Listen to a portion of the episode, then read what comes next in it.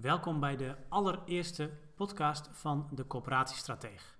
Mijn naam is Ritske Dankert en in deze podcast wil ik je meenemen in het maakproces van het ondernemingsplan of de beleidsvisie van jouw coöperatie. Ik laat je zien hoe je in vier simpele stappen snel een ondernemingsplan kunt actualiseren of helemaal opnieuw schrijven.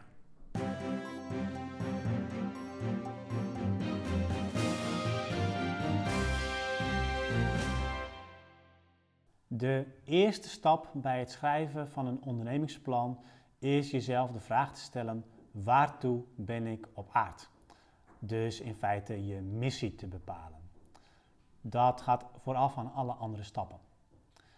Als je in deze stap, uh, een willekeurig voorbeeld, als missie bepaalt dat je alle huishoudens met lage inkomens, wat je dan natuurlijk moet definiëren, binnen jouw werkgebied, wat je dan ook definieert, uh, wilt huisvesten in betaalbare woningen, dan um, ja, bepaalt dat voor een heel groot deel ook welke onderwerpen je verder in het uh, proces gaat uitzoeken en waar je je op zal gaan richten en wat je ook als eerste doelen gaat stellen. En ook als meer, waar je ook de meeste prioriteit aan wil, zult willen geven.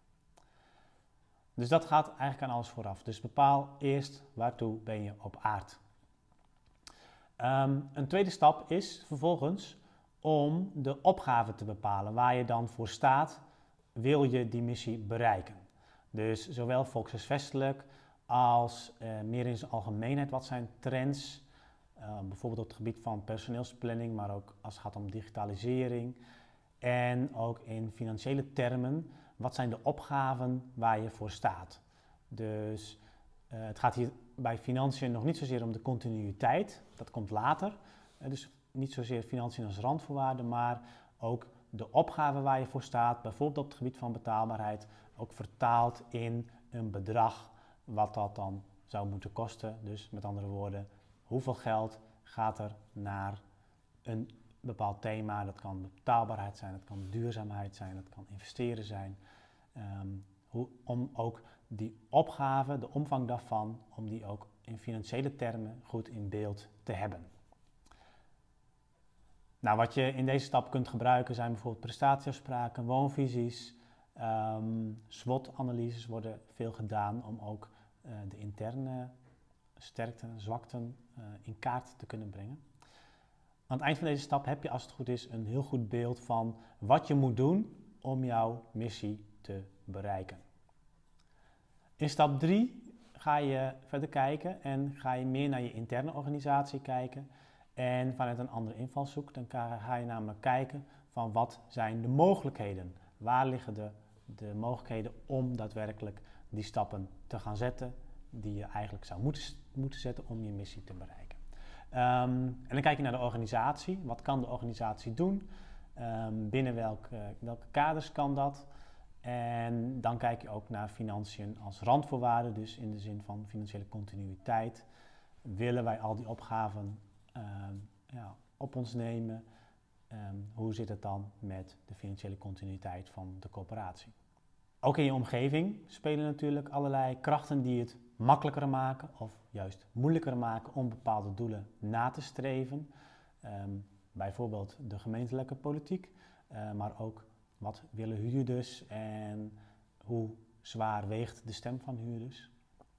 Dat maakt allemaal, uh, ja, dat heeft allemaal invloed op de mogelijkheden om bijvoorbeeld wel of niet iets aan betaalbaarheid te doen of wel of niet nieuwe investeringen te doen.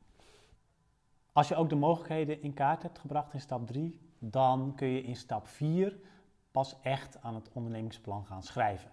En dan ga je echt de concrete doelen en bijbehorende nog concretere maatregelen uitwerken die je in de komende 4, 5 jaar wilt gaan bereiken en wilt gaan nastreven om uiteindelijk dichter te komen bij het eindpunt van jouw missie. Nou, ik hoop dat je met deze vier stappen um, een meer helikopterview hebt gekregen over het proces van het schrijven, herschrijven van je ondernemingsplan. En ik wens je daar heel veel succes mee als je daar binnenkort mee aan de slag gaat. Wil je nieuwe afleveringen ontvangen? Abonneer je dan op deze podcast. En kijk ook eens op onze website corporatiestratege.nl voor meer praktische tips en downloads die jouw werk als coöperatiestratege makkelijker maken.